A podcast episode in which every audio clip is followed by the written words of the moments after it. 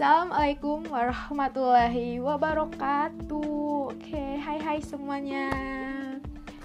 Apa kabar? Semoga kita selalu sehat ya. Oke, jumpa lagi nih ya sama saya Tanya Pitaliki.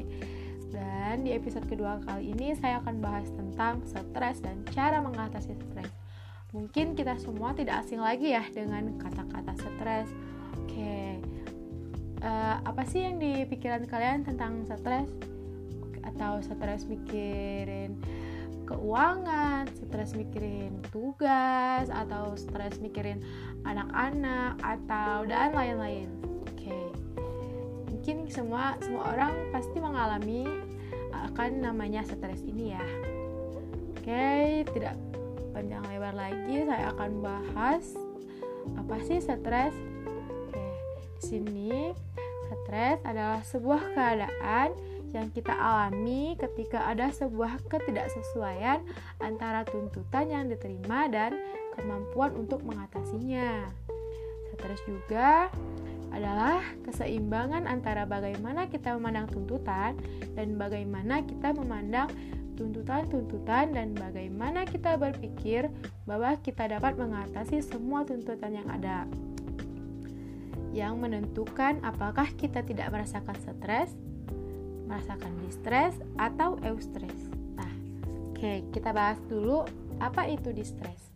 Distres adalah suatu keadaan di mana terlalu sedikit tuntutan yang merangsang kita yang menyebabkan kebosanan dan frustasi. Sedangkan eustress adalah pengalaman stres yang tidak berlebihan, cukup untuk menggerakkan dan memotivasi uh, agar dapat mencapai tujuan mengubah lingkungan mereka dan e, berhasil dalam menghadapi tuntutan hidup. Oke, selanjutnya penyebab stres. Apa sih e, penyebab stres dan bagaimana? Kok bisa orang-orang itu pada e, bisa mengalami stres gitu kan? Pasti ada penyebabnya nih. Oke, kita bahas dulu ya. Stresor adalah penyebab stres yakni apa, apa saja kondisi lingkungan tempat tuntutan fisik dan emosional pada seseorang.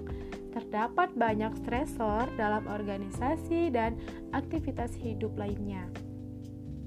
Nah, adapun hal-hal yang menyebabkan stres yaitu beban kerja yang berlebihan, eh, tekanan waktu yang tidak mungkin dipenuhi, komunikasi buruk, kondisi kerja yang selalu berada di bawah tekanan, ketidakjelasan tugas yang diberikan. Nah, mungkin itu uh, penyebab stres dan masih banyak lagi penyebab-penyebab stres lainnya yang dialami setiap individu itu berbeda-beda. Terus, adapun sumber-sumber stres ya yang pertama itu faktor lingkungan, faktor organisasi, dan faktor antar pribadi. Oke.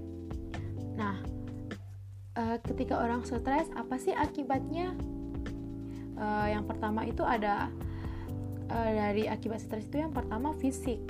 Akibat stres pada fisik mudah dikenali jadi gampang banget dikenali sama orang-orang kayak gitu ya lewat cuman lewat dari lihat dari fisiknya aja nih ada sejumlah penyakit yang disinyalir karena orang tersebut mengalami stres yang cukup tinggi dan berkepanjangan. Di antaranya adalah penyakit jantung, bisul, tekanan darah tinggi, sakit kepala, gangguan tidur, uh, terus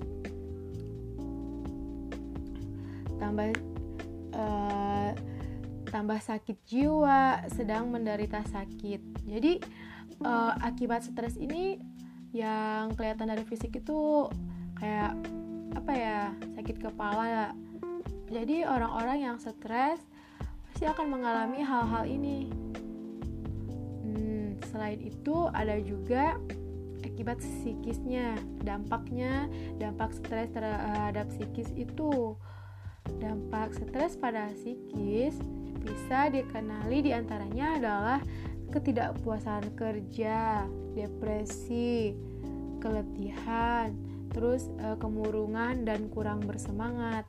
nah orang-orang yang stres kayak gini nih kalau lagi apa ya lagi bekerja atau lagi sekolah atau lagi kuliah itu tidak uh, tidak ada semangat ter, ketidakpuasan. Kalau dia kuliah tuh uh, terhadap kerjanya tidak puas.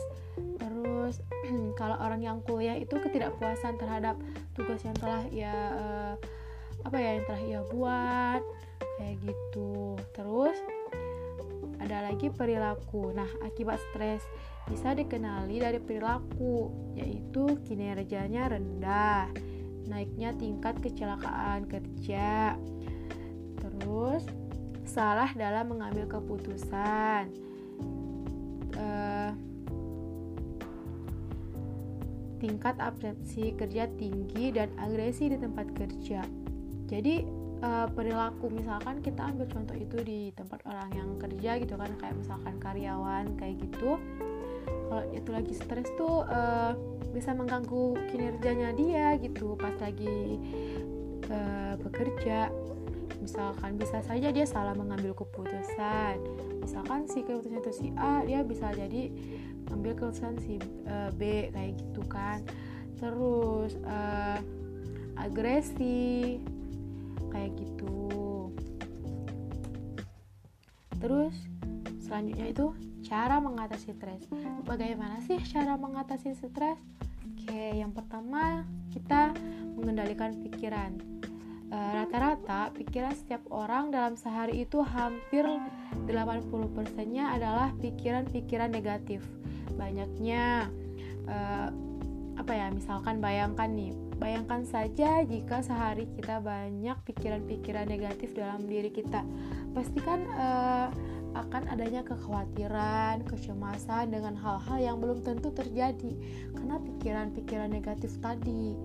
Nah, terus yang kedua, kurangi hal-hal yang menyebabkan stres, resah, gelisah, uh, terus sulit tidur, pikiran yang tidak tenang, seperti dikejar-kejar sesuatu, dan sulit dikendalikan biasanya adalah efek samping dari kebanyakan uh, kafein atau bisa saja kopi kayak gitu. Dikurang-kurangin biar uh, ini tuh salah satu cara mengatasi stres terus tarik nafas dalam-dalam. Cara yang paling mudah dilakukan untuk mengurangi stres dan membuat pikiran dan hati menjadi lebih tenang. Jika benar-benar mengalami stres yang uh, jika benar-benar mengalami stres maka napas kita uh, cenderung dangkal. Oke. Okay. mungkin yang orang dengan ini ada lagi mengalami stres atau apa bisa dicoba tarik nafas dalam-dalam terus buang itu setidaknya uh, menenangkan sedikit lah ya terus tips mengatasi stres Nih, ada 8 tips cara mengatasi stres di tempat kerja. Uh, uh, rencanakan dengan baik aktivitas. Jadi, rencanakan dengan baik-baik dulu nih aktivitas. Terus ikut ikutlah uh, membangun iklim kerja yang menyenangkan. Yang tiga, pastikan uh, mengerti terhadap tugas dan tanggungan jawab. Terus lakukan beberapa kali untuk beberapa menit. Jadi lakukan beberapa kali break untuk beberapa kali menit selama bekerja. Itu cara tips mengatasi stres juga. Terus itu milik miliki sikap toleransi kepada sesama rekan kerja. Terus uh, uh, pahamkan semangat. Jadi pertahankan semangat kita itu dalam bekerja terus sediakan lingkungan kerja yang baik oke okay. terus